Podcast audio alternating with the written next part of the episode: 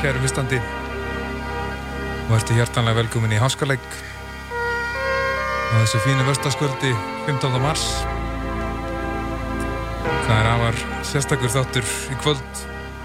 Tilengaður góðvinni mínum miklumeistara Felix Leif sem að uh, mun sitja hjá mér gegnum þáttinn. Mun spjalla spila út, út músík sem að uh, hann hefur gert sem bæði hefur komið út og hefur ekki komið út. Og þetta verður bara hugulegt hjá okkur strákunum. Og all tónlistin í kvöld er í hans höndum. Förmsa með efni og víða af. Þannig ég held að þetta verður eitthvað heldurbötu skemmtlegt Hingað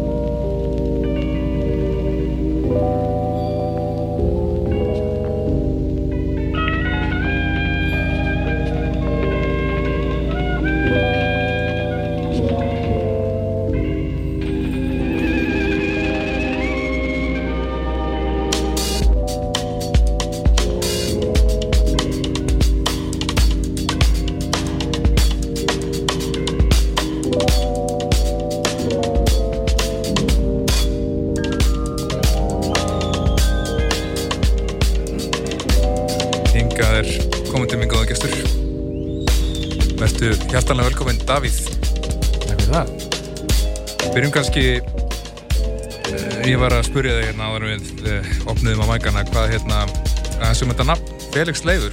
Já. hvaðan hérna, nú heitir þú nú ekki Felix Leifur? Nei, ég heiti Davíð. og hvaðan, hvaðan kemur þetta nafn?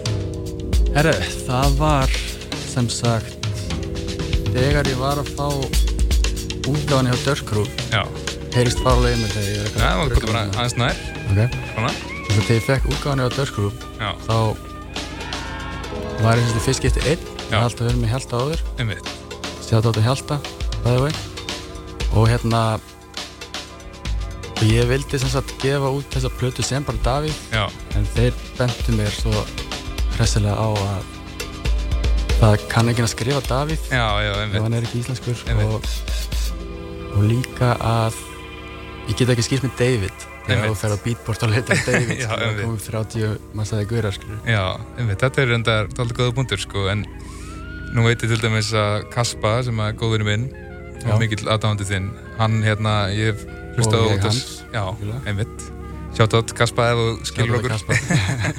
en hérna, hann, það er svo fyndið að heyra segja Felix Leifur, sko. Þetta segja alltaf Leafer, Já. hefur tekið því. Felix Leifur. það var, einhver, einhver stelpa á MTS um daginn sem að var að spila eitt af brotlegunum Já, hún sagði mér eitthvað, this tune is by Felix Leafer já, einmitt, en allavega, en, en pælingin var, þú veist því að ég vildi alltaf nota eitthvað nafn sem væri bara mannanafn einmitt. þannig að við vorum heil lengi bara að brainstorma og, og fundum þetta, mér fannst það að vera nógu íslenskt og nógu útlenskt. Já, einmitt, já, einmitt. Eh, En nákvæmlega, ég held að þetta, þetta er svolítið, þetta er, Felix er náttúrulega mjög alþjóðlegt, sko, Já, og Leifur er mjög íslenskt. algjörlega.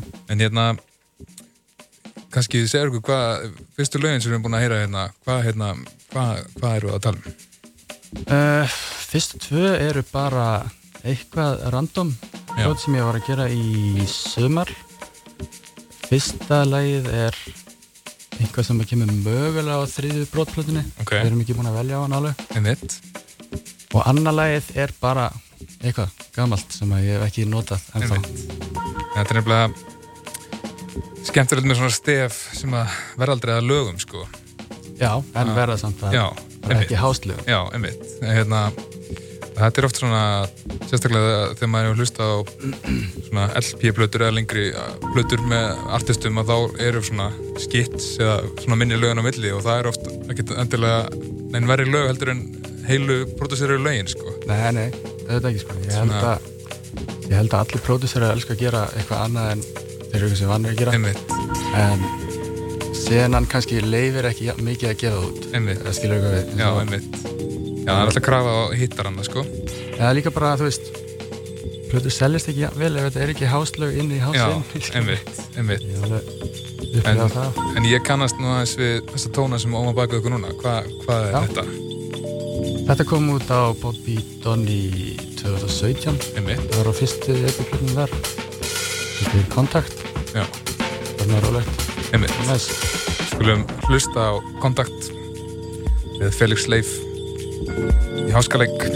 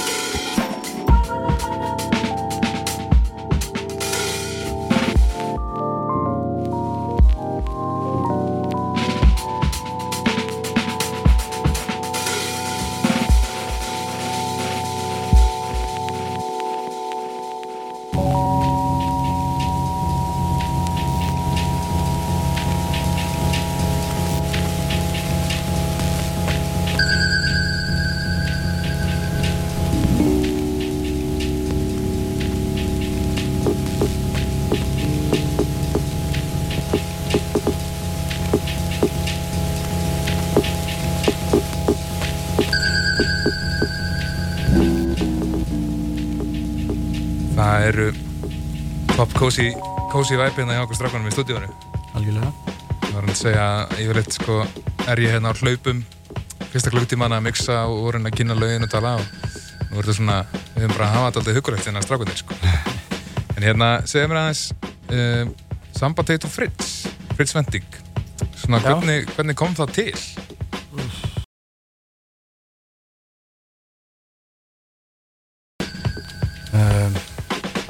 Var rauninni ekkert þannig merkilegt sko, það var bara þegar ég var búinn að gefa út EP nr. 2 hjá Já. það var nú svona að byrja að senda mig mail þar sem maður segja bara flott stöf og ekkert meir en það sko Einmitt. svo aftur þegar ég var að gefa út þannig að laga aftótið Tale of Tales eitthvað þá byrjuðum við svona aðeins að tala saman og þá var ég alveg byrjuð að vissi að það var einhver áhugi og Þá kom bara senda honum lög og það bara Það bara smelt passaði. Einmitt. Það er nefnilega, hefur verið mjög næst kannski hlustöndu veit ekki að sem sagt, útgáða fyrirtæki mitt Borg gaf út Plutum Fritz Vendingar á 2014. Ég held að ég hef verið í honum fyrst þá ef ég er hinskilin Já, einmitt. Pottið Því að sko, Hann var alveg frekar nýr þá. Já, um, það var bara gegnum með mitt títrættan DJ Kaspa sem að ég kynntist tónlistir hans sko. Já, já, og hann bara með eitthvað sound sem að ég hafði bara ekkert hýrt áður sko og svo ótrúlega vel producerað músík og og einmitt bara hafði samband við hann og það gekk í gegn sko en það var svo fallegt þegar að ringurinn lokaðist þegar að þú varst hann ekki út í honum sko. Það var svona, mér finnst að það var alveg mér finnst að vera mjög fallegt sko. Já, en svona, hvenar byrjar að gera músík eða svona þessa músík? bara hást Já, já, bara hvenar byrjar að gera músík? Sko, ég byrjaði að gera músík í Abildon Mhm. mm 2008 Og hvernig músík varst að gera það? Herra, ég, maður, ég held ég að sökkað alveg í góð fimm ár sko. já, það er bræðilegt Það er eðlilegt, sko, alveg frá. En þú veist, ég var alveg frá 2008 upp í sko 2012 var ég alveg fastur í þessi Ed Banger veistlu sko einmitt, sem var sko. Svo mikið tísku fyrir bara þá. Electro House. Já, man, þegar þið voru á hérna, hvað heit það, Karamba og allt Já, það, var svona upp á sitt besta. Þegar ég bara, ég var að byrja að DJ þá var Já. það bara go to sko, bara svona party músík sko. Eða veist, bara svona ótrúlega orkumikið og hérna, Skrítið að hlusta á þetta í dag þegar ég prófaði að taka nei ég, en ég er fram. sko, hvað þessu Boys Noise, þeir eru búin að eitthvað comeback og veist, einhverju af þessu nöfnum svona, sem voru heitt í þessu elektro tímanbili hafa alveg, þannig haldið áfram að gera músík sko, Já, hann var alltaf svona, var hann ekki svona aðeins meira svona elektró Já. megin frekar en þetta svona sample-based já, einmitt. dæmi sko. En hérna, en þú byrjar sem sagt að gera Ed Banger inspired uh, hérna Electro House. Og hvernig þróaðist þetta ferðalagið þitt? uh, Það var eiginlega ekki fyrir en ég flutti til Manchester. Einmitt, voru að læra audio engineering í SSR mhm, fluttið mitt með Hjalta. Og þá var ég ennþá alveg all in í þessu hinu dóti. Já. en það meikaði bara engan sens þannig úti sko. Nei, Það var- það varst í húsparti og kveiktur á lögum þá bara kæmdur þú góð sko. Hérna, já, ég skildi ekki því sko. en þá var house orðið svo ógíslega vinst og náttúrulega öðruvísi Bessi Breill að segja um líka. Já, hægulega og maður einhvern veginn komst ekki hjá því. Að byrja bara að hýla house geðið mikið. Einmitt, Það var samt svona þegar ég byrjaði að heyra þetta svona sample-based dót sem að ég datt alveg að fulli alveg inn í það. einmitt. Það er hérna Já, það er, ég er mjög gladur að, að, að þú þróaðist burtu frá Electro House-unni og, og út ég í, þetta samfélbeist sko. Það er svona, það er búið að vera gott. En hérna Lægið sem er í gangi núna? Já, þetta kom út á Dirt Crew bara Einmitt oktober. Já, það, já, oktober. það var önnur útgáða þín á Dirt Crew ekki satt Og þriðja. Þriðja, Já. einmitt Það var 2016, 17 og 18. Einmitt, Það er hérna, alveg sen ég byrjaði hjá þeim þá hefur sem sagt Peter sem er reykura, Já. hefur svona verið umbóðsmaðurinn minn. já, Ekki mikið að gera hjá hann, skilur, en, en hann, hann dílar við allar svona posta og Já, já. ég þarf ekkert að hæla í sem er alveg frekar næst. En það hefur alltaf verið svona bass labelið svona aðeins einmitt. sko en þeir hafa líka haldið mjög svona fallega auðvitað um þig. Já, algjörlega, þeir eru bara algjörir fagamenn Já. Ógeðslega gott að vinna með þeim Og það er líka, Þeir er svona haldamanni í Einmitt. stefjum sko. Þetta er nefnilega alveg aðeinslegt leifbúl, Björn Krú, og svona margir flottir artistar einmitt líka byrjað þar og með svona aðeinslegan backkatalóg, þannig að það er bara góði staðið til að vera á, sko.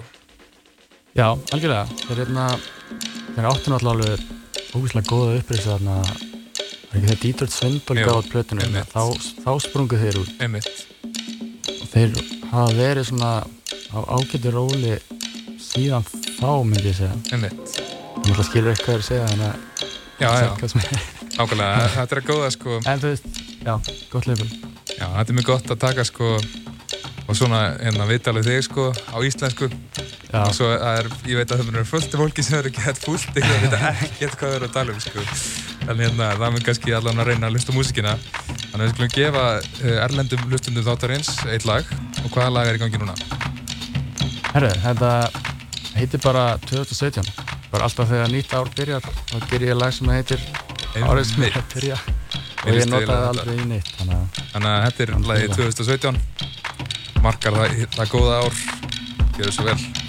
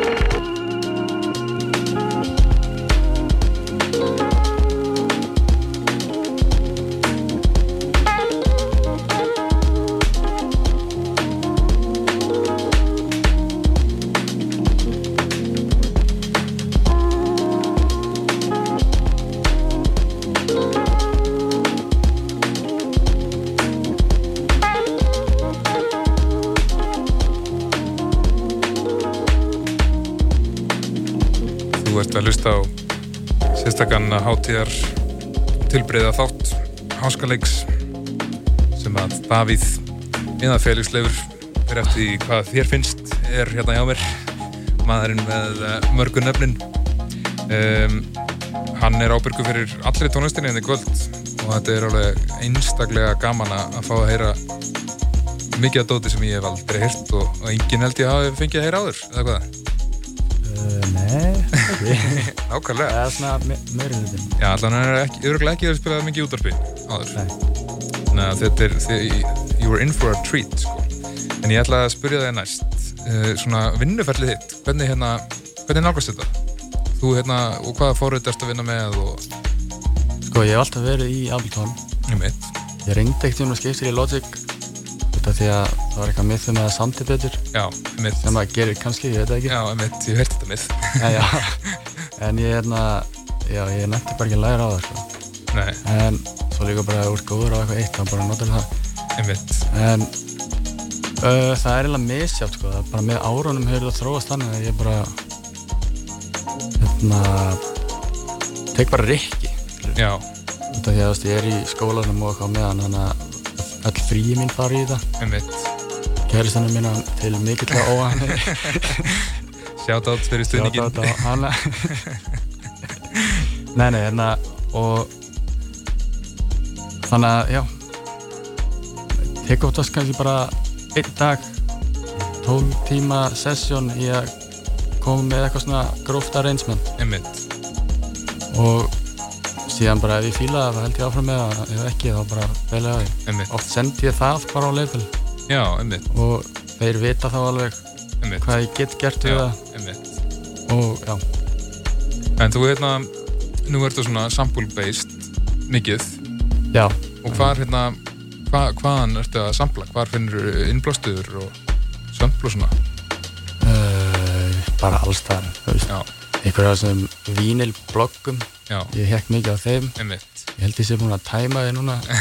Ég endaði bara á YouTube næri þess að reyna að finna eitthvað. En bara hvar sem ég finna sko. og ertu að leita þá mikið að einhverju svona veist, disco, jazz eða veist? Já, ég hef með ekkert endilega. Ég undanfari hef bara verið að leita að einhverju. Þannig að vinstarflokkur nýlega var sovjet eitthvað elektrónik bla bla 80's eða eitthvað þá finnur svo mikið ruggl á netinu. Og hérna... þrjá klukkutíma að leita og finnur kannski eitthvað eitt svona píp en Einmitt. það er alveg þessi virði sko. ég hérna, þegar ég bjóð á Hollandið nokkrum ára síðan þá hitti ég Leifar um, já, já. og hann hérna kom að spila einhverju partíi og uh, átti sín eitthvað eitthvað dag og, og bara bæði mig um að koma með sér að sína sér vínlbúðunar í, bor, í borginni sko Já. og ég hafði alltaf verið hérna í tíma og var svona fann að þekkja flesta búðunar svo fór ég með honum og hann er líka svona sample based okay. mikið og hann var að leita á svo skrítnum stöðum einhverjum flokkum sem ég bara vissi ekki verið til og það er náttúrulega þann fann hann, finnur hann svona eitthvað sem engin annar er að nota, skilur og einmitt einhverju sovjet-diskói og var bara ógeðslega gladur eða fann eitthvað svona algjörður ruggl sko. Já, algjörlega. Þetta er svona, þetta er einmitt, maður á svona maður er svolítið að leita að þessu sko. Já, já, þú veist pointi er ekkit endilega kannski að vera með eitthvað sem enginn hefur verið með. Nei, nei. en þú veist, það er náttúrulega geggjaða pluss það vart alveg dottin í lukkubót. Ef það er eitthvað geggjað. En líka bara að vennja sig á að læra að finna skrikni partana í löðunum og hvað þú getur gert við það En ertu þá, veist mikið, að nota bara svona mikrosample eða veist, ertu kannski að taka bara eitt eitt, eitt sneril úr einhverju lægi eða veist, svona bara, bara alls konar? bara allur gangur á því sko. það er bara að þú, ef þú heyrir eitthvað flott ert að hlusta á eitthvað ambient sóiðist lag þú heyrir eitthvað ein, eina góða nóti og bara taka hana endalist valmöðuleika hvað þú getur gert við það þannig að þú lítur að vera með ansi stóra möppur í tölunniðinni með einhverju ruggli Vantæði dótaði? Já, ég meina Ég er með hérna alveg andjóks okkur hundru gigabæri Já, ég trúi því sko því að einmitt ofta með það bara eitthvað svona eitt detail sko en það getur verið erfitt að finna hann sko. Já. En þetta er sko, og þegar Red Rackham kom inn í nokkurnar síðan, þá kýtti hann líka með að vera í stúdióið og þá var hann að gera hérna sitt frægasta lag sem var hérna Vongi Disco Banger. Og ég var að spyrja um hvernig hann hefði samplað fyrir það. Og hann sagði að það, hann væri bara með SoundCloud þátt sem var einhver gaur sem spilaði bara skrítna brasilíska músík og bara eitthvað svona alls konar bara eitthvað skrítna heimstónlist. Og það bara, hann samplaði bara allt á SoundCloud. Frá einhverju mixi sko. Þú veist það, já. Þannig að Þú veist hérna, það virkar fyrir þessum tónlist? Þetta er því að þú þarft ekkert eitthvað biluð hljómgeði Nei, nei, nei, það er svona alltaf prósessar prósessar þetta eftir á þetta er allt og já það fer eftir hvað er skilur. ef þetta er eitthvað svona main element þá kannski stundum ef þú vilt betri útgáði ég hef gert það ef ég hef fundið eitthvað einmitt. þá hef ég tekið og prófað að reyna að mixa það heyrt að það er ekki nógu gott farið bara á Discogs og keipt blötuna skilur. Já, þetta er enda mjög snið farið hana bara heim. Einmitt. En finnur einhvern mun, þú er náttúrulega líka verið að sampla vínil. Já, Vist, er það bara aðalega hljómgjaða möðunur eða er, finnur einhvern annan, vist, er eitthvað meiri karakter það er sko það er náttúrulega hljómgæði munir á SoundCloud eða. YouTube og já. innbyttu en pælingin er að bara erfið er að finna veist, ég, með, Já. ég gæti ekki eitt heilum degi lökki að leita sko. fundi kannski eitt trómusampl Einmitt. eftir heilan dag meðan ég get gert þetta á hundurföldum hraða Það er svona það er svona einn af sko vannkastunum líka við sko vann, uh, kostunum ef maður se- segir svoleiðis við vínilinn eitthvað hann er svona, svona þungt format. Já, uh, og ég fundi þetta bara að er að fara að DJ skilu, og þetta að finna til lög skilu, á, á, þá er það bara heilt dagur fyrir mig sem ég tekur mig að preppa og það þarf að fara í gegnum svo marga plötur sko. versus bara að vera með iTunes og bara já, next, next, next eða við. Já, já, algjörlega þú veist, ég, ég finnst að við erum alveg að njóta góðs af tækninni sem við erum búið í já, dag, sko. algjörlega, Og þetta er þannig náttúrulega við að gera eitthvað sem að er gaman gömul pæling. En hérna skulum kannski henda í eitt gott lag fyrir hlustendur þáttarins. Um, Áttu Hvað er svona elsta lagið sem ert með á þessu playlistæðinu? uh, uh, elsta útgjarnalagi Já, mm, mér líst að það. Skulum uh, það er öruglega bara bergtoppur. Já, Það, mér þykir mjög vænt um það lag. Já, það er þessanlega og, og hérna, nafnið á því. Já, Varstu bara með eitt góðan bergtopp í stúdíónu og já það, það var ekki dýbra en það sko. Nei, ja, hljómar ekki að svona bergtoppur Já, það það sem að þekki ekki drikking Nei, einmitt. Þannig að við fáum að heyra Bergtopp á fyrstu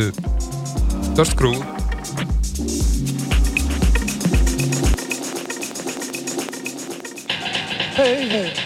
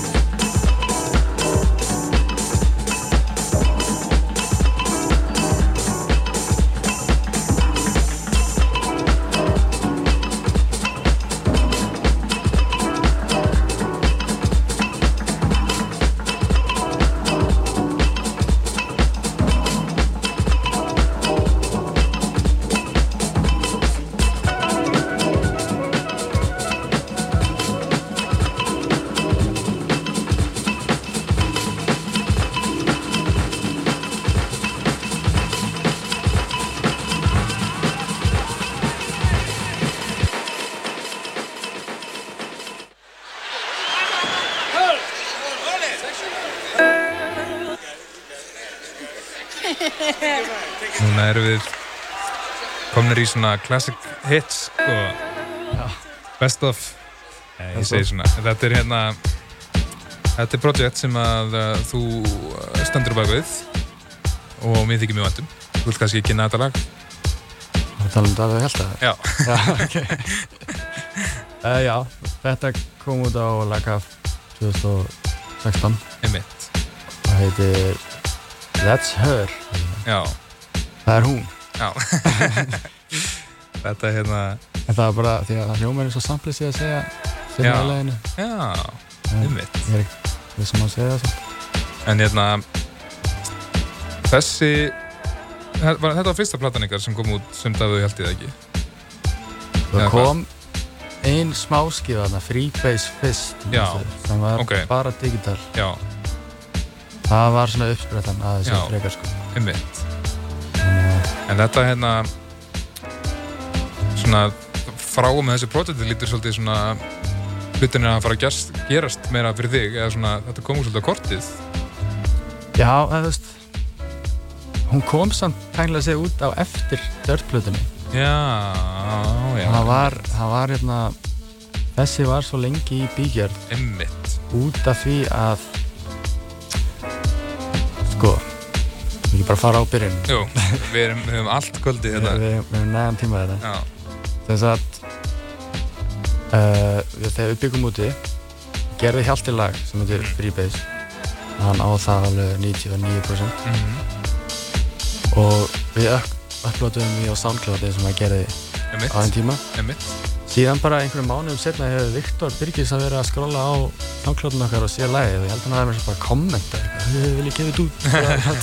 Og, Geggjað, og fallegt. Já, stokkur fannst það líka geggjað. Og, og við gerum það. Síðan fluttum við heim. Þá hérna ákvaðum við að gefa út epiplötu með þeim. Einmitt, en hérna, við vorum alltaf búin að taka eftir því að þú veist, við vildum gefa út á vínil einmitt það var bara einhvern veginn svona trendi þá. Bara einhvern veginn Það er, meira einhvern veginn- established já. og get, get skrítið. Það er bara aðeins meira alvöru já, sérstaklega þá. Já, þá var það ennþá á leiðinu og það, það var aldrei pressa drast Nei, nei, nei. algjörlega. Því það eru peningar í þessu. Og hérna og já, og við, ég man, við fórum á fund með strákunum og sögðum að við vildum gefa þetta vínil við vissum að þeir voru alltaf bara í háskóla. Já, og þannig að við byrjumst bara til að splitta kostnæðinum já. með þeim. Já, og við gerðum þetta bara allir fjóri saman. Og enginn af okkur vissi hvað við vorum að gera Einmitt, við þurftum að leita pressu, dreifingar aðalega fundum hana Prime einmitt. sem að þeir hjá líka Jú, þegar jú, einmitt. Því að þeir voru alltaf pressa og dreifingar aðalega svona, Já, einmitt, Þægilegur pakki. mjög þægilegt að vinna með þeim. Og hérna já þannig að hún var ekki alltaf lengi að leiðin við vorum alveg hálft ár bara að vinna að koma henni út. Einmitt, og á sama tíma fekk ég dörskuldótið og það gerast eða allt á sama tíma einmitt. En ég man að þú veist dörskuldótið kom út og gekk ágætlega það gekk alveg bara frekar vel. Síðan kom þessi og gekk eiginlega ennþá betur. Einmitt, þetta er nefnilega það var að repressa á þessari en það ekki jú, held tvissvar Já, eða einmitt, eitthvað. Það er svona fyrir þá sem ekki vita þá, þegar maður gefur út vínil þá uh, byrjar maður yfirleitt svona í smáum sniðum sko, gefur kannski út 300 en dög eða eitthvað. Og svo, og það er svona yfirleitt nær ekki kostnaði eða svona kannski svona akkurat sko. En svo um leið og þú pressar aftur þá svona farið eitthvað tilbaka og það er svona alltaf markmiðið þegar maður gefur út vínil að hann sé endurpressaður. Þannig að það er og það er því náttúrulega að hún hafi selst vel sko sem er, já, þú veist, þetta er þetta er bara línulegt og þú ferði mikið tilbaka Já. eftir hversu mikið þú pressar þannig að þú veist. Sem er svona svolítið fyndið hvernig þú getur pressað 300 stykki. Þú veist, hefur reiknað þetta út. Þú veist, ef þú pressað 300 já, og stilaður allar já. þá ertu ennþá í tapi. Já, það fer svolítið náttúrulega eftir kostnæðanum já, en þú veist, ef við tölum bara um kostnaðin og pressa Já. 300 stykki og dreifa því. Já, um, jú, það er all, eða, veist, það er allavega bara einhvers staðar í kringu núlið eða fyrir neðan það, sko. Um, Þegar við gerum þetta með fyrstu tvær borgplutunar þá vorum við ekki með dreifingraðala Já, hérna við vorum eitthvað að heyra því þegar við vorum að leita heyrum Og- þá svona já, horror story Já, þetta er nefnilega þannig að fatt að ég kannski geta á æfinni sko, við byggjum á eigu einhverstaðar bara norður Atlantshafi sko, og það er bara fárlega óhendugt að uh, flytja inn einhvað sem er búið til í Evrópu. Og dreifa því. Til þess að selja það hérðan því að þetta var bara, þetta var við skulum orða það þannig að þetta hafi ekki komið út í nulli Nei. og ekki komið út í blues um, en hins vegar uh, eigum við ennþá slattablötum uh, sem er gaman sko. Því að það er svona munurinn kannski frá því að vera með dreifingaðal og þú fær bara x mörg stykki til landsins. Já, versus það að hérna, það þarf að kaupa það af þeim ákostnaði verið Já. það ekki? Það ekki dæmi. Jú, það er hvernig eins og leið sko. en hérna þannig að svona ef að einhverju hlustendur er að spá því að fara að gefa út vínil þá hérna má bara heyra í einhverjum íslendingum sem hafa gert þetta áður og, við getum svona sagt ykkur hvað þið ekki og svona er að selja. Hvernig fóruð þið þá bara upp á postvist þegar einhver kefti plötu? Já, kefti svo það reyndar bara af ykkur á gen- Já, sko, Bandcamp svo eða- höfðu við samband við alla búðunar já, eða við svona helstu og þá kannski þurftu þeir að kaupa 30 stykki til þess að það myndi borga sig að senda þér hérðan ah, um, og það sem við gerðum hins vegar í staðinn var að við fórum bara til Breitlands og við fórum til Berlinar og við tókum bara með okkur fullt af blötum og við löpum inn í blötubúðunar og seldum þær þannig sko. Og það er náttúrulega besta sko nafnspjald sem að þú getur verið með er að rétt einhverjum mílblötu því já, það er svona við hérna, sérstaklega fyrst að vera okkur til London þá fórum við á Wolf uh, Music. Er það þannig sem þið kynntist öllum þessum gaurum já, ég man þegar þið voruð að núti einmitt. Ég sá aldrei hvað þið voruð að gera. Ég kann mjög mikið að vita hvernig hérna, viðtalið við þig er bara út í viðtalið við mig sko. en þetta er gaman að segja frá þessu hlutum sko. hérna, nei, ég meina ég man fyrir nokkrum árum þá fannst mér þetta alltaf, alltaf Já. geggjað. Einmitt, ég er mjög glaður að fá, fá að tala um þetta sko. en hérna, þá sem sagt förum við í mæ 2014 Eh, þá erum við búin að gefa tvær blötur báðar svona ándreinu græðala förum við á uh, gig hjá Wolf Music sem er bara eitt af mínum uppáhaldsleifulum eða var á þeim tíma. Einmitt. og það er Fritz Vending að spila sem við erum nýbúin að gefa út. Þannig að við hérna, og þið voru nýbúin að líka já, líka. Já. ok, og um, þannig að við bara tókum með okkur fylltum bara einhverja ferðardösku af hlutum og fórum til London. Og svo mættum við hérna á klubbinu og við hefum ekki teitt þess að DJ á þeir en það voru svona skauðra sem við litum upp til. Já. og réttuðum þeim bara eintök af plötunni og það bara voru bara hverjir eru þið maður, þetta er bara þannig byrjaði með fallegt vinnarsamband sem að skila sig því að núna er hann að sjá dreifingunum hjá okkur annar af hann Stú sem Stú, er já. annar, af tveimur með Wolf Music og náttúrulega Fritz Vending sem ég er búinn að hitta örgulega 20 sinum síðan þá bara þegar að við hefum verið á sama stað á sama tíma einhvers staðar í heiminum sko. já, ok og um, þannig að þetta er já, þetta var mjög gott hérna, business card sko. já, uh, og mikil æventýri sem að svona, sköpuðust út frá því að vera ekki dreifingala því þetta er náttúrulega gerist ekki þegar þá uh, einhver gaur bara sér um þetta allt saman fyrir þig sko. nei, nei. Nei, ég trúi því um, en núna, ég kannast nú þessu tóna sem eru baka okkur núna. Uh, já, þetta er bara næsta lag á plötnu við glemdum okkur aðeins. Já, það er gott, þetta hérna fallit að uh, þetta Davíð og Hjalti projekt að svona fyrir allan að mig sko kom svona breytti ymsu hérna heima sko og bara með lag af tels ekki út á vínil og þetta var svona við þykjum mjög vænt- vænt um þetta allt saman. Já, mér líka, þannig að það er gott algjörlega. að við leiðum ykkur að heyra en þú mútt kynna þetta lag samt sem aður Herri, já, það er hérna sko, já, það er hérna máli með þennan titil. Það, hérna, það heitir Officially Crime Pays. Ok, það var svona bara út af því að Jón Okkaði upp og glemt að breyta því. Á hann að fór í prentin ok, þetta er gott. En hérna já, það átti að heita Mad Ways sem, sem, sem Já. það er bara hitt sem hann segir í samfélagi emmitt, mjög gott. mjög gott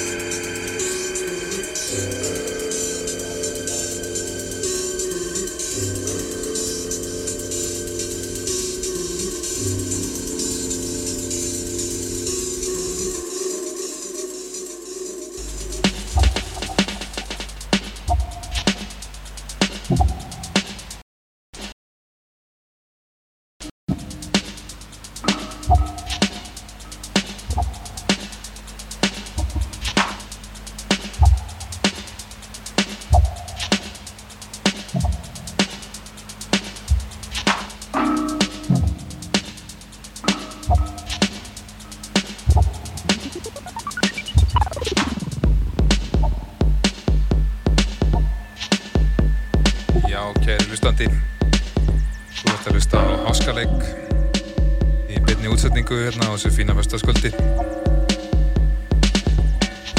Hjá mér er góðu gestur. Það er sérstætt Felix Leifur special í kvöld. Við erum svona aðeins að hækka tempóið hægt og rólega. Viltu segja okkur hvað erum við hlusta núna, Davíð? Uh, já, Eh, þetta er bara eitthvað óutkomið lag aftur. Mjög gott. Heitir IBM Probe. Já, mjög gott. Þetta er svona, þetta er eitthvað nýlegt eða hvað? Já, ég held að bara verið um jólinu. Það heyrir nefnilega, það er aðeins önnur áhrif heldur en svona í, í eldra dóttinu sem við heyrðum frá þér, hérna fyrir Já. þettinum. Algjörlega. Um, viltu eitthvað segja okkur frá svona þessu ferðalæðinu yfir í hraðari tempo og, og Uh, já, sem sagt, að ég veit ekki, ég bara var pínu þreyttur á að gera hásið sem ég var að gera. Ég var fann að endur taka mig ekki mikið og já, langaði bara að prófa eitthvað annað skiljum. Þetta svolítið, hefur verið svolítið mikið í gangi. Já. Mér langaði svona aðeins að prófa að reyna að brúa smábíl á milli og leika mér. Þá Um, verður maður svona einhvern veginn eins og lítill krakki aftur þegar maður er, þú veist ekki hvað þú ert að gera allt í ert í ókunnu umhverfi. Það er svolítið góð orka sem að fylgir því, svona spennandi kynast einhverju nýju, en svona, veistu hvað er þetta sækja áhrif í svona þetta? Eitthvað sérstætt sem þú verður að kynna þér, hlusta á eða, Mm, Nei, eiginlega ekki. Bara svona Jón Bjarni Dulur senda mér eitt og eitt lag Einmitt. en ég er ennþá pínu lost í þessu ef ég er einskilin. en það er hérna, já, einmitt, það, það er svo gott líka að maður veit ekki endilega hverju maður er að leita eða skilur og þá er maður kannski ekki að mynda að gera eitthvað nýtt í staðan verið að vera að reyna að kopja eitthvað annað, sko. Því að hérna, þetta hefur svo mikið soundið þitt en er samt eitthvað allt annað heldur en veist, það er Já. veltið dótið eða skilur þetta er svona samt, heyrir maður soundið þitt sko. Algjörlega, maður svona maður heldur alltaf í sama ja, maður gerir það samt ekkert viljandi á pæli nei, nei, nei, þess að eins og lög eftir þig munu eru alltaf hljóma eins og þú einmitt. Út af því að þú ert ekki rauð. Einmitt. Það er hár rétt sko. eins einfalt og það er. Já, ég einmitt var bara í dag að skoða eitthvað gamalt sem að ég haldi kom út frá mér. Og það var einmitt þannig að hérna, þetta hljómar eins og ég þótt að ég myndi ekki búið þetta lag til í dag sko. Nei, algjörlega um, mér langar mér svolítið að safna saman svona óutgefni dótið á mér því bara fyrir fimm árum síðan og gefa út bara svona frítt eða eitthvað, bara þess að gefa það út einhvern veginn. Já, eða skilur um, upplifir þú það svona þegar þú gefur eitthvað út að þú svona lokar, lokar þeim kapla uh, Ég hendi ógeðslega mikið að dóti sko. Og bara beint í ruslið? Já, mér finnst það Nei, hérna Æ, ég veit ekki, mér finnst eins og ég verða að gera það út af því að annars get ég ekki gert meira. Það var sko þið Já, Þess mér langar að slíta mig frá því sem að mér finnst ekki ganga upp. Einmitt. Það er bara svona einn af kostunum sem maður er lært ekki um tíðin að læra að henda lög Ok. Mér finnst það eiginlega að vera nummer eitt sko. Ok, ég ætla að hérna taka þetta til mín. En þú veist, það er það sem virkar fyrir mig. Já, já, nei, Það kannski virkar ekki þig nei, algjörlega, en það er samt, já, einmitt. En þú upplifir, en svona það sem þú gefur frá þér um, hefur einhvern veginn gefið eitthvað út sem að þú stendur ekki 100% bakvið Menur sem ég fíl ekki það. Já, eða veist, Já, það hefur gæst. Ég ætla ekki að nefna, nei, nefnum ekki lög, nei, nei, þótt að enginn aðeins myndi skilja það. nei, nei, en það er allt- í góðu. En já, þú veist, jú, jú, það er alveg komið fyrir, sko, en það er svona...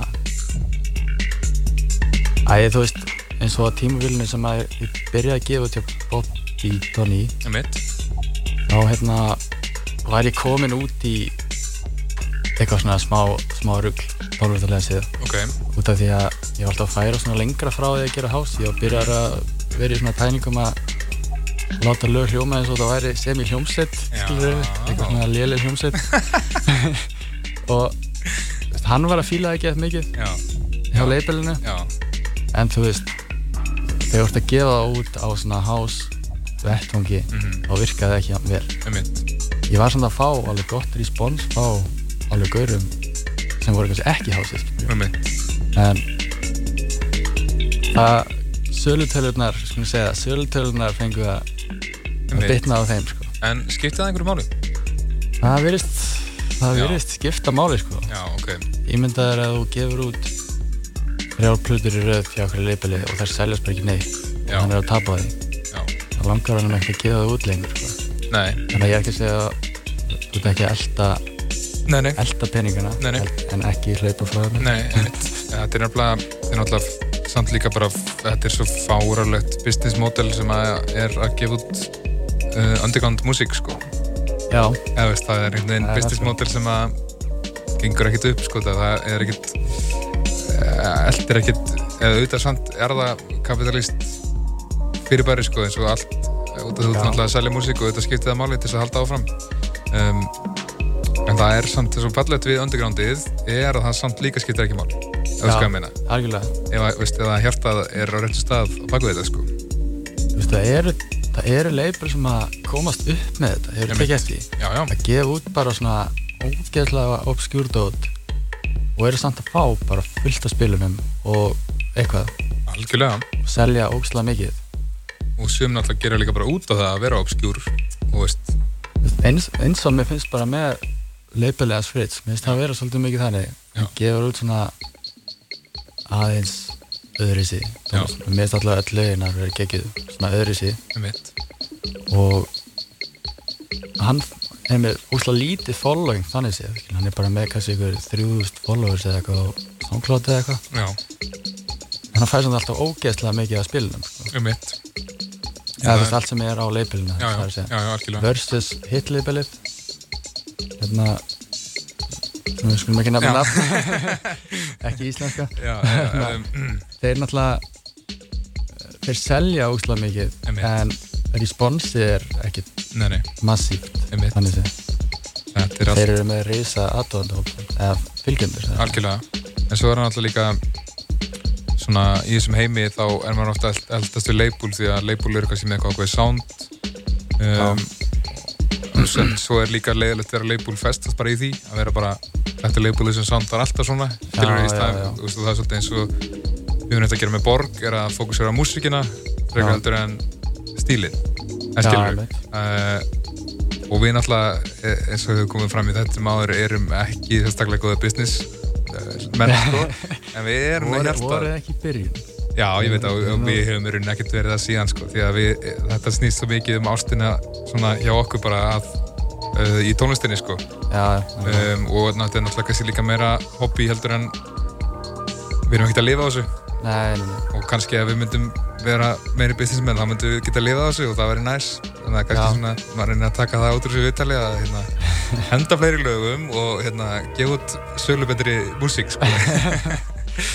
nei, nei ég, ég myndi segja bara að halda áfram að búa til nýja tónlist. Já, Ég- algjörlega. þetta er svolítið eins og að færa rektin sko. já, er alltaf, þú veist, ef þú eða bara að æfa- íþrótt eða whatever það er bara ef þú ert að yfgeta þá verður þú betri skilju. en ef þú hættir þá verður þú ömur emmi það er bara, þá bara líkast þú niður. Maður, maður það er- finnur það alveg að hérna, maður kemst í form og maður dettur úr formi. Já, og, um, sem er bara að maður náttúrulega er bara maður þarf bara að gera nógu mikið sko. það er svolítið svona það sem maður, maður reynir líka að segja fólki sem er að byrja og svona bara að gera mistök eða skilur upp, ekki að gera mistök en bara að gera hluti, ekki vera hrætt við að, gera hluti út af að þeir getu klúðrast, eða skilur já, já, algjörlega. Það er svo bara að halda áfram að, gera það er að skipta máli. En lagið sem er í gangi núna? Herru, þetta er það heitir Fúr Lars Ulrik part 2 geggja nafn. Já, takk, takk Þetta hérna Já, er bara eitthvað sem að var til um jólinn uh, Viltu segja okkur eitthvað? Lars Ulrik hérna ástæðan fyrir því að þú nefnir hann? Uh, Samplið hétt Fúr Ulrik Ah, Nei, nei, þetta er bara eitthvað fíblagungur en það er mjög Kannski- hvernig þú nefnir nöfniðin Nei, hvernig þú nefnir nöfniðin, hvernig þú nefnir lögiðin og svo hérna ætlum við líka að tala um brot útgáfuna sem að er mjög Já. spennandi projekt en við komum betur á því á eftir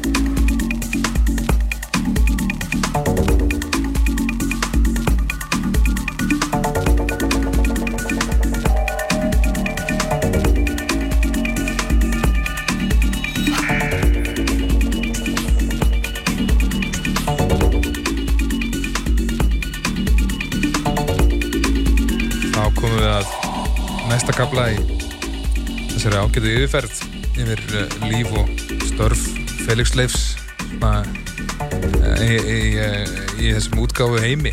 Við, bara, við erum að tala um sko personuna Felix Leif hérna, ekki, ekki manneskjuna Davíð sko. Davíð, nei. nei þannig að við höldum því bara til haga. En þetta er sem sagt uh, já, ég ætla að leiða þér að kynna til söguna hvað er í gangi hérna. Já, þetta er þetta er lag sem heitir Brot 4 Brot 4 Það getur verið að þetta flókið Nei. En þetta er partur af nýja seríunni sem við erum að gera að ég er að gera með Einmitt. Og já, það var bara okkur langar að gera eitthvað nýtt Einmitt. til að koma nýja efni frá okkur. Og okkur fannst mega mest fannst að byrja með nýja seríu Já, út frá þeim. Einmitt. Ég náttúrulega byrjaði með þeim gaman að byrja eitthvað nýtt með þeim aftur. Algjörlega. Þetta eru líka topp top menn Mjög gott að vinna með þeim, uh, Þetta er svona uh, mjög spennandi projekt, þetta brot. Og ég, hérna, ég er mjög hrifin að þessu að, að mitt búið til svona mikró label, innan label sem sér unni eða einhverju seríu Já. sko. Og svona gefur ykkur öllum rými skilur að gefur líka lag af telis rými fyrir að burtu af svona þeirra sándi og, og Já, fyrir þig líka sko Fannst ekki alveg mjög nóg mikið sens að þetta myndi vera á Lagaf seríunni. Nei, og það væri reyndar alveg það var alveg hægt. Veit ég alveg Já, hægt, já, en auðvitað, þá þyrfti það ekki svolítið að þróa seríuna í aðra átt. Jú, eða veist, já, Með þessum hætti geta þeir þróað hana í einhverja aðra átt og þessa þetta er alveg svona. Það er alveg fordæmi fyrir því á leifbólum um mitt að vera með svona mikroserjur Já, það sem er farað aðeins út fyrir kassan. Og þetta er einna um, þetta er ótrúlega ég er búinn að fá eintök af þessari fyrstu serju og spilaði nú meðal hans eitt lag í sísta háskaleik en þetta er alveg ótrúlega skemmtilegt dót sko já þetta er hressandi. svona um, tölvert dekkra og, og meira svona veginn breakbeat eiginlega influencera og kannski reikna með að brot Komið frá því, Já. Ég Það, það var pælingin. Ég er að lesa þetta rétt sko. En hérna, en, segja okkur aðeins meira hvað, Þannig að það eru fleiri brotsplutur á leiðinni? Já, sem sagt seinasta sumar eins og ég ég var að segja þér hérna á þær mm að ég tók ykkur að góða rispu ég átti eitthvað sumarfrí hérna. Og tók ykkur að góðar, góðar mánuð í stúdíónu og þetta er eiginlega basically afraksturinn af því allavega fyrstu tvær. Einmitt. Og hérna þannig að við ákveðum bara að búa til þrennu. Það meikar einhvern veginn meiri sens heldur en Mhm. par, finnst það Einmitt, ekki? ég minnst það Og trilogy eitthvað. Já, mjög góð pæling. Þá erum við með eina núna í byrjun apríl. Já, tekjum næsta í heldur sem stefna júni við erum allavega búin að skilna okkur. Ok, ekki tekur ekki vanlega þrjá præðum Jú, þetta er, jú, og ágjörða þessum rekkostorti einmitt. Sem er hann inn á milli hann tefur alltaf alla pressunar er, það er árlegt svona allir verða, verða að hoppa undan röðinni þess til þess að ná að gefa eitthvað sérstætt út fyrir þann dag. Já, en það er svona þetta er allavega, já, þetta er mjög spennandi projekt sko og kannski svona innblásturinn inn í þetta sko, veist, varstu varstu eitthvað að skoða breakbeat sérstaklega eða veist, er þetta bara svona frá tilfinningunni? Bara bæði sko. Já, veist, ég veit ekki. Ég var að hóra mikið á boilerum. Já, það var eitthvað svo mikið um það þar. Mitt, síðan bara eitt og eitt lag, ég veit ekki nú okkar bara prófa annað. Mitt það er eiginlega ekkert dýbra en það því miður. Já, það er samt alveg, alveg nógu djúpt sko. en þetta er svona hefur svolítið líka verið soundið sem að ég hef tekið eftir að einmitt, þú segir boiler room og svona um, að gerist reglulega að svona hildar sound einhverju senu breytist sko. Já, algjörlega. uh, og veist bara að ég, ég skilur út að núna er ég búin að DJ í tíu ár og svona átta ár sem ég hef verið bara að fókusera á hústónlist og sko þvílíkt sem að hún er búin að breytast á átta árum hvað er, Já, svona, hvað er inn sko. Um, og þetta er svona búið að vera inn núna í kannski smá tíma og það er mjög gaman að heyra svona vandað íslenskt sem að Já, er í þessum stíl sko það er nú það er nú fullt. Já, algjörlega, fullt til þessum stíl líka. Nei, bara í elektröður höfuð. Það er alltaf svolítið hægar en það. Einmitt það var svolítið eins og uh, gestir mínir í síðasta þetta Polar Attraction, það er svona ég hef mjög hrifin af þau og Sweaty Records sem að hérna, Já, já, einmitt. það er svolítið meira að dansa á þessari línu sko. Já, og þetta er svona einhvers staðar á milli þess að vera bæði hús eða techno eða þetta er svona bæði og veginn eða skilur getur spilað þetta í hússetti eða getur spilað þetta í technosetti og, og ég er alltaf mjög hrifin af um, dóttir sem einskorast ekki bara við eitt stíl sko Já, algjörlega. Líka, við þú bara að þróskast sem einmitt að bara gera það sem þú vilt, sko. Það er að leika þér. en svona samplin í þessu er þetta bara sama, þú verður að sækja þetta bara víða af Já. Þetta er bara nákvæmlega sama ferli. Nefna, þú veist, um leið þú fer að gera eitthvað annað, þá allt í hennu opnast mörg sömp sem þú gast ekki nota áður. Mm einmitt, Ég var svolítið að vinna með það, bara að taka kannski annað ránd á safnið, bara með kannski svona annað perspektíð á hvað er hægt að gera við það. Það virkaði mjög vel, sko. En sko, við komum inn á áðan að, að þú ert að vinna mikið með sample, en ertu, ertu að vinna líka með, veistu eitthvað FST eða einhvern búnað eða veist, er eitthvað annað svona uppáhald sem að þú, Sko, ég var með 106 í lagni mjög lengi. Hann var í miklu uppáldi. En, ég, nei, ég hef bara ekki haft aðgang að hardware dóti, þannig að ég ætla kannski að kíkja meira til þín. ég, það er bara býður inn Ég ætla að sjá eitthvað rosaleg Instagram-vítið það er. Já, þetta er, en það er, það, um, það er sama hvaðan gott kemur. Já, Það er ekki það sem getur máli, er búnaðurinn sem þú notar í það, það er það sem að þú not, það sem gerir út við í, það, sko. algjörlega. Já. Um, en eins og bassalinn er þessu, sem er í gangi núna. Þetta er saml. Já, gæðvegt. En hún, veist, þetta var eitthvað svona 80s post-punk lag Já, sem var með eitthvað svona smá parta sem að bassin var. já, Ég bara manipuleitaði hann okkurlega, sko. það Það var mjög, mjög mikið að, hérna, editorinn. já, einmitt. En hérna, og þessi svona rödd sem að er yfir þessu, drungarlega, hvað, er þetta, þú eða? þetta er ekki ég. þetta, þetta var bara eitthvað svipað, sko. Já, Eitthvað svona smá kafli eitthvað staðar. Ég get fundið það og sínt það eftir það. já, en listu, þetta er bara það gaman að, gaman að greina þetta. Já, En þetta er, þetta er um, líka brot, Já, þetta er nummið 2, brot nummer tvö, brot 2. sem að kemur út af þessari sömu fyrstu brot hlutu. Já, hún kemur núna í byrjun april. Minnir að hafa verið smá senkun og það er eitthvað stórli, það er það, hún átti að koma bara í næstu viku eða eitthvað. En já, stutt í hana, tvær Já. Vikur. Lýst vel að við skulum leifa þessu aðeins að óma brot nummer tvö.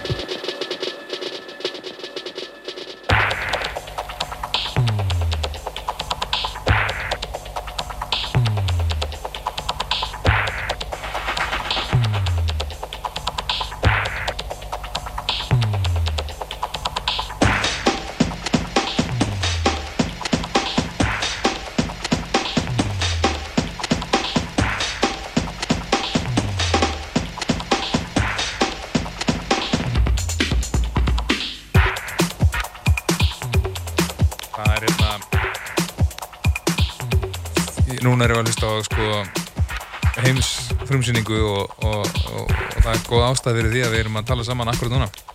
Já, við erum að tala yfir það. Já, því að við erum að passa upp á það að hérna, nú sé enginn að fara að stela bara binda á SoundCloud og fara að spila þetta því að þetta er ekkit, þetta kemur ekki út nærið strax. Hvað er við að hlusta á? Þetta er brot þrjú. Já. er, já, þetta er þrjú, þetta er ekki sjö. Þetta, kemur bara, Ok, það en, en já, ég hef eitthvað lent í að en að spila eitthvað nýtt út í. DJ-mixi og svona finna út svona kött af því á svona file sér síðan. já, einmitt. Þetta er nefnilega, Þannig að passið á því. þessi er hérna, það hefur einhvern tíðan, það hefur einhvern tíðan gæst, ég ætla nú ekki að að nefna neinn nöfn, en hérna, uh, góð vinkona mín sem er plötsnöður var að skemmta svo gafbarnum, Ok, um, gláða að finna skvöldi eða eitthvað og það var svona DJ sem að var kannski að stíga sín fyrstu skref svona uh, og allt í hennu í mixi sagt- DJ-in sem var að spila eða já, pródúserinn? nei, DJ sem var að spila. Ok, og allt í hennu kemur bara eitthvað Rins FM ste- stefið eða eitthvað. Bara í, í hérna þeim við mixi sko. Já, það er ótrúlega vandræðilegt sko. Þá er svona mjög líklegt að, að því hafi verið stólið uh, annarkvort beint eða óbeint sko. Já, getur verið já, bara að stóla þessu okkur síðu og ekki hlusta gegnum all lagið eða glimta sér. En við erum að koma í veg fyrir að það gerist. Eða ef það gerist þá heyrist allan í okkur eins og er að bladra yfir þetta. Já, ég er, hérna, Við höfum nú allir rippað lögum hér og það er en já, ekki til að spila á almenna færi samt. nei og ég blessunlega bara er komið mjög mörg ár síðan ég hætti því. Já, og það er út af því að ég bara hef, hef þá líst skoðun að ef þú ert að DJ á einhverjum stað þá ertu væntalega að borga fyrir það algjörlega. og ástæðan fyrir að þú ert að borga er að það er einhver til músíkina og ef þú ert ekki að borga þessa einu evru til þessa einstakling sko, þá hérna er ég bara ekki sérstaklega reyðin af því sko. Þú heyrir það líka í kerfi Já, ef þú ert með eitthvað reyð. algjörlega sko, Ef þú ert komin í eitthvað stórt kerfi þá heyrir það strax. Jú, þú ert nefnilega þú heyrið það nefnilega strax sko, ef það, það, og það heyrist bara mjög mikil munur á, á mp3-fæl eða lossless-fæl sko. Já, Já, ef þú ert komin í stórt gerfi með alveg sub, skilur það bara það vantar þessar upplýsingar sem að skera spurtu, skilur já. það heyrið það ekkert í heyrnintólunniðinum eða ert út að skokka með einhver Airpods sko, Nei, en, en þú heyrið alveg fysik Já, auðvitað. En það sem hann býttir í er. Nákvæmlega, en þetta er brot þrjú og svo, eh, finnst ég hef svona að tala aðeins að mér en það mun koma inn lauma hérna inn á eftir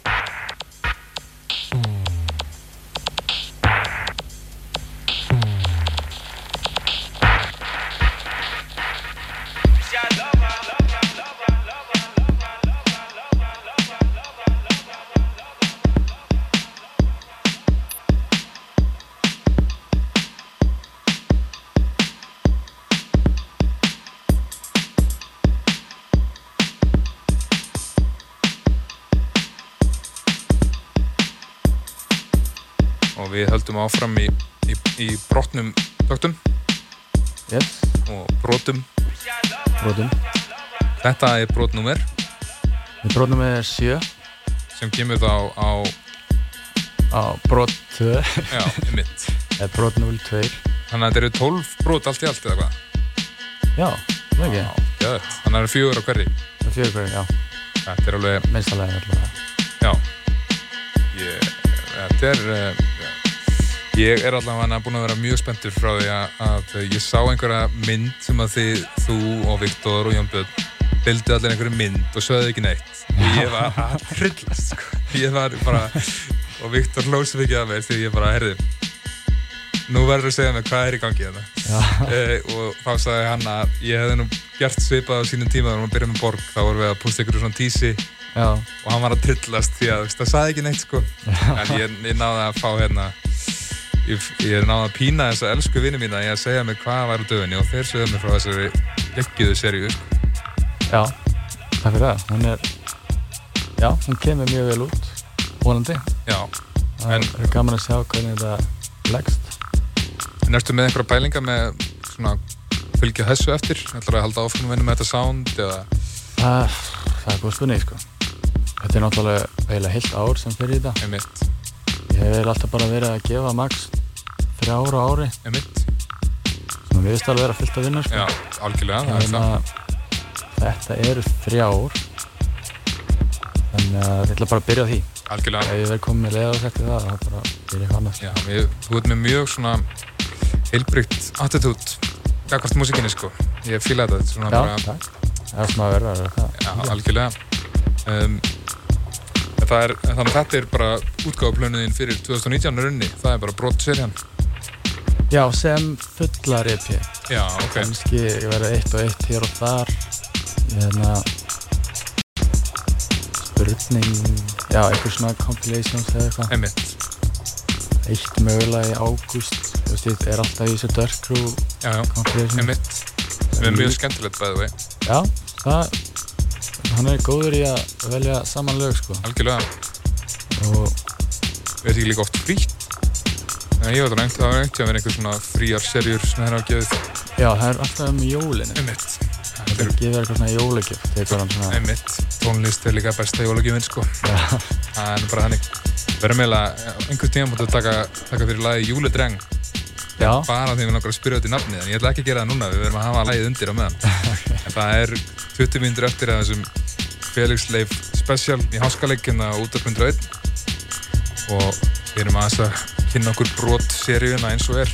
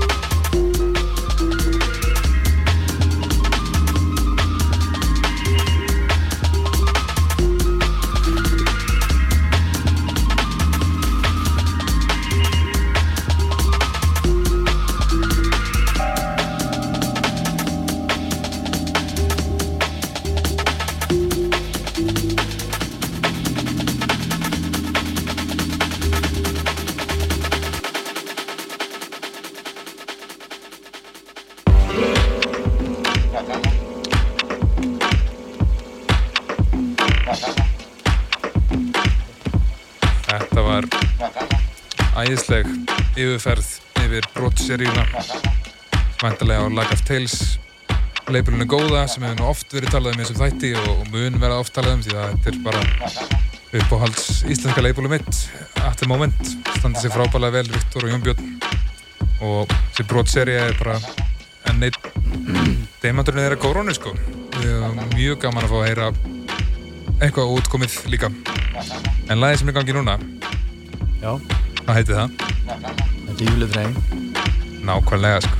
Þetta er nefnilega svo gott nafn og það er svo gott að geta spurt þig hver er sagan á baku þetta nafn með mikrofónu opinn sko. Uh, og ég held ég sé ekki með neina sögu um hann sko. tengist þetta jólunum á einhvern nátt uh, Ég gerði mjólin ok, fair enough. Og ég held að hétt bara jólastrákur já, já, og það var betra því að það yfir á dönsku. Það er náttúrulega meikaði meira senn sko. ég er bara alveg saman að það er miklu betra. Það er allt betra á dönsku. Það er þetta ekki svo öll nefnin á þessari plötu var eiginlega bara fýblagangur þú pælir því. Já, Tarleton Appreciation Club. Emitt það er þess að ég bjó í Manster þá bjó ég á götu sem hétt Tarleton Street. Mhm.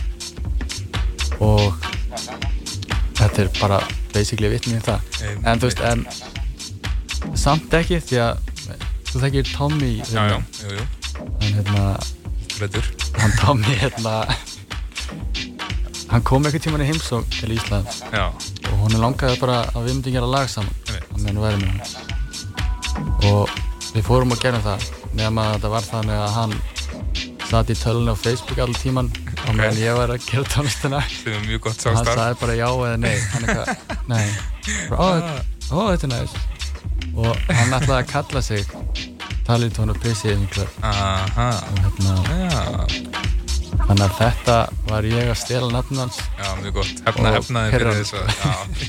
Það er við eigum mjög skemmtilegu Facebook vinasambandi það er svona góði banderar sem að fá að fljúa á vegg, vegginn og maður fylgist vel með þessu sko já, já, hann er, hann er lindum En hérna, hann var að síga svona í, í setni hlutan á þessum góðu tveim klukkutímum. Það er sko svo ótrúlega mikið af músík sem við erum ekkert búin að spila eða snerta á sko. já, Sem að sýnir bara hvað hérna, þú átt orðið gott safn nú þegar sko. það er nóg til Það er það, er nóg komið en, uh, já, En svona, búið nóg að gera skulum aðeins enda á að tala þetta um framtíðina.